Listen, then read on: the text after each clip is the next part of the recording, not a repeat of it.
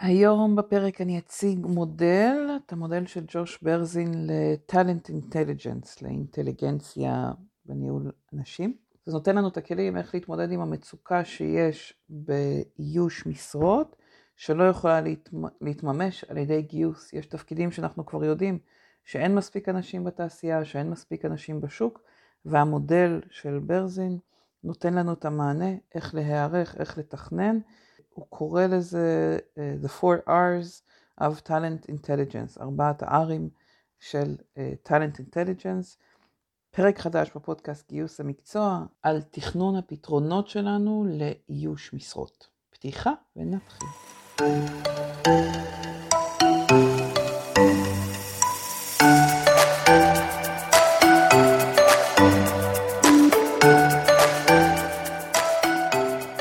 ברזין הוציא לפני כמה שבועות את התחזית שלו, HR Predictions, ל-2023, התחזית באופן כללי לגבי משאבי אנוש וניהול משאבי אנוש.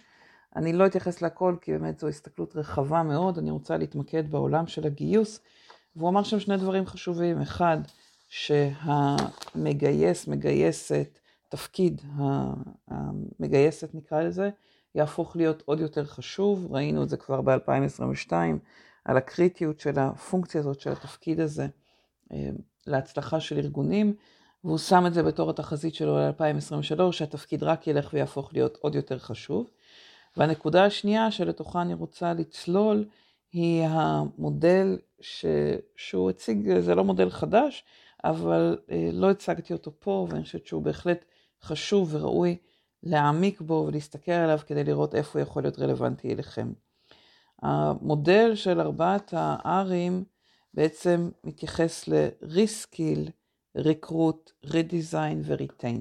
ואני רוצה להתייחס לארבעת המרכיבים האלה במה שהוא קורא לו מודל סיסטמי למשאבי אנוש.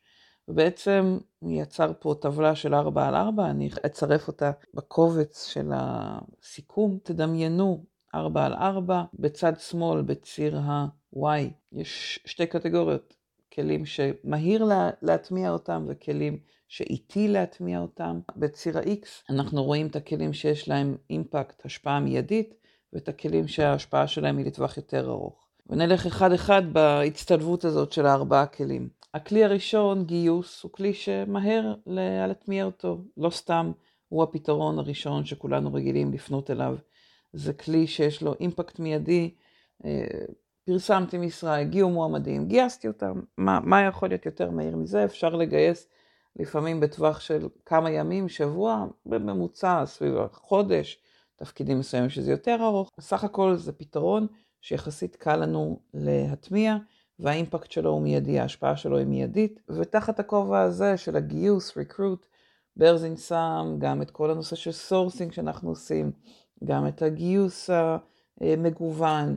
אה, את חוויית המועמדים, את אה, המיתוג של המעסיקים, כל הנושא של אה, מערכת היחסים שלנו עם האקדמיה, פיתוח הכישורים של המגייסים, כל האופרציה של הגיוס, כל אלה נופלים תחת הכובע של גיוס, לא משהו חדש, אנחנו מכירים את זה. בחלק שהוא מיידי מבחינת ההשפעה שלו, למרות שלוקח זמן לעשות את האימפלמנטציה, נופל ה reskilling, בעצם פיתוח הכישורים או הכשרה מחדש של אנשים, ואנחנו לוקחים אנשים שכבר קיימים אצלנו בתוך הארגון, לרוב, ועושים להם אה, הכשרה מחדש של הכישורים שלהם.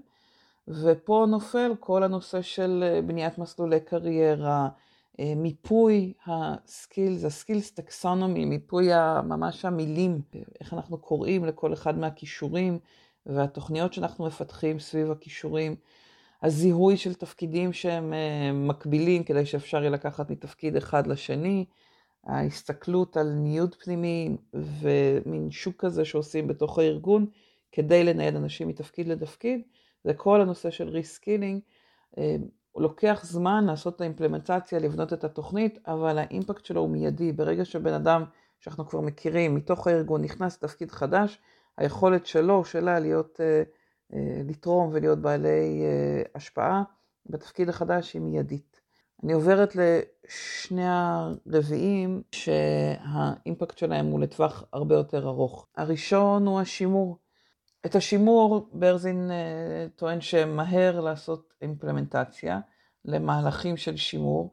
אם אנחנו עובדים על לחזק את התרבות ואת חוויית המועמדים, לתת הטבות, מסגרות לטיפול בילדים, לתת גמישות אה, בשעות, בהיברידיות, לשפר את התגמול ההולם, לחזק את ההנהגה, את המנהיגים, את המובילים בתוך הארגון, להקשיב לעובדים שלנו, כל אלה עוזר לשמר יותר את העובדים שלנו. יש כל מיני כלים שיחסית קל להכניס, אבל ההשפעה שלהם היא לטווח ארוך. והסוג האחרון, שהוא גם אה, ההשפעה שלו לטווח ארוך, למרות שזה לוקח זמן לעשות לו אימפלמנטציה, זה ה-redesign. לעצב מחדש את התפקידים שלנו. לנתח, ומה שנופל תחת הכובע הזה, זה הניתוח של העבודה והבנייה מחדש של תפקידים. למשל, אם אני אה, מנהלת משאבי אנוש במפעל והכניסו מכונה חדשה שעושה בצורה אוטומטית דברים שבעבר אנשים היו צריכים לעשות, אז אני בונה מחדש את התפקיד של הטכנאים שבעבר היו עושים עבודה ידנית, בעצם עכשיו הם צריכים לעשות עבודה הרבה יותר ממוחשבת, לעקוב אחרי המחשוב של, של אותן מכונות. אה, בעצם כל ההסתכלות על תפקידים שמשתנים, אה, זה יכול להיות תפקידים שמשתנים כי אין מספיק אנשים בחוץ, אז צריך להביא אנשים עם אה, פחות ידע. הייתי למשל בכנס, בכנס משרד הבריאות והציגו שם מכשיר שעוזר לרופאים פחות מנוסים לעשות את אותה בדיקה בצורה מספיק מקצועית כמו רופאים מנוסים, כי המכשיר מאותת להם על דברים שפעם היה צריך הרבה הרבה ניסיון כדי להצליח לזהות. באותה מידה גם העסקת אנשים ב outsourcing, הכנסה של כלים אוטומטיים, היעזרות בפלטפורמות של אנשים שעושים עבודה אה, כפרילנסרים. כל הדברים האלה נופלים תחת הכובע של redesign, של עיצוב מחדש של התפקיד, ויש עוד המון המון אה, אפשרויות. הדרך לפתור בעיה באיוש של תפקיד בעצם לפי ברזין כוללת את ארבעת המרכיבים האלה. אנחנו רוצים כשאנחנו מתכננים קדימה את התפקידים ש, שלנו בארגון, לבדוק איזה מהדברים אנחנו רוצים ל, ל, לפתור בצורה מהירה, ואז אה, או לגייס או לשמר את האנשים שכבר נמצאים בתפקיד, להבין מה צריך כדי לגייס חדשים וכדי לשמר את אלה שקיימים. כשאנחנו מסתכלים לטווח ארוך, אנחנו רוצים להסתכל גם על ההכשרה של אנשים מתוך הארגון לתפקידים שיש בהם איזושהי מצוקה, וגם על ה-redesign, על העיצוב מחדש של תפקידים שאנחנו צריכים לעשות כדי להצליח לתת מענה. רק בתור דוגמה, כשברזי ניתח את מצוקת גיוס האחיות בארצות הברית, הוא זיהה, הוא והצוות שלו זיהו, שהולך להיות ב-2025 פער של 2 מיליון נקודה 1, 2.1 מיליון אה, אחיות, אחים, מול הצורך שהולך להיות באותה שנה, כשמסתכלים על הפער שקיים היום והפער שצפוי להיות, ובעצם הוא הציע מודל, הוא הציע למערכת הבריאות בארצות הברית המודל שמשלב את, את ארבעת הכלים.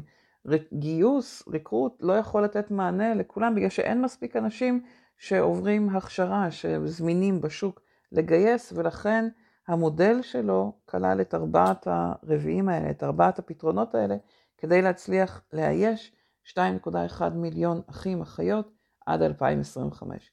אני מציעה לכם להסתכל על התפקידים העיקריים שאתם מגייסים, על התפקידים העיקריים שאתם כבר מזהים שיש לכם בעיה, ולראות איזה מהפתרונות הללו, או איזה שילוב של ארבעת הפתרונות הללו, יכול לתת לכם מענה.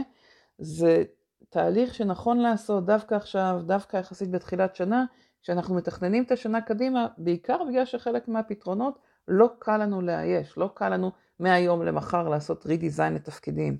אבל אם אתם מזהים שיש לכם פער, ואתם רואים שזה לא משהו שהולך להשתנות, זה לא משהו שהולך בקלות להיפתר, בואו תבחנו יחד עם ההנהלה הבכירה שלכם, איך אפשר לעשות שינוי, איך אפשר לעשות reskilling, לעשות מעברים פנימיים, לשמר את האנשים שכבר יש לכם ביד. ולעשות redesign לתפקידים מעבר לפתרונות הגיוס הסטנדרטיים שאנחנו רגילים לגשת אליהם. אני אשמח לשמוע אם זה משהו שאתם כבר עושים היום, ואם יש לכם מקרים לדוגמה שעשיתם reskilling, redesigning, retaining לתפקידים אצלכם, מאוד מאוד אשמח לתת לכם במה, להציג אותם כאן בפודקאסט ובוובינר. שיהיה שבוע טוב, פורים שמח, בשורות טובות והרבה הרבה שקט. רק דברים טובים. ביי. thank you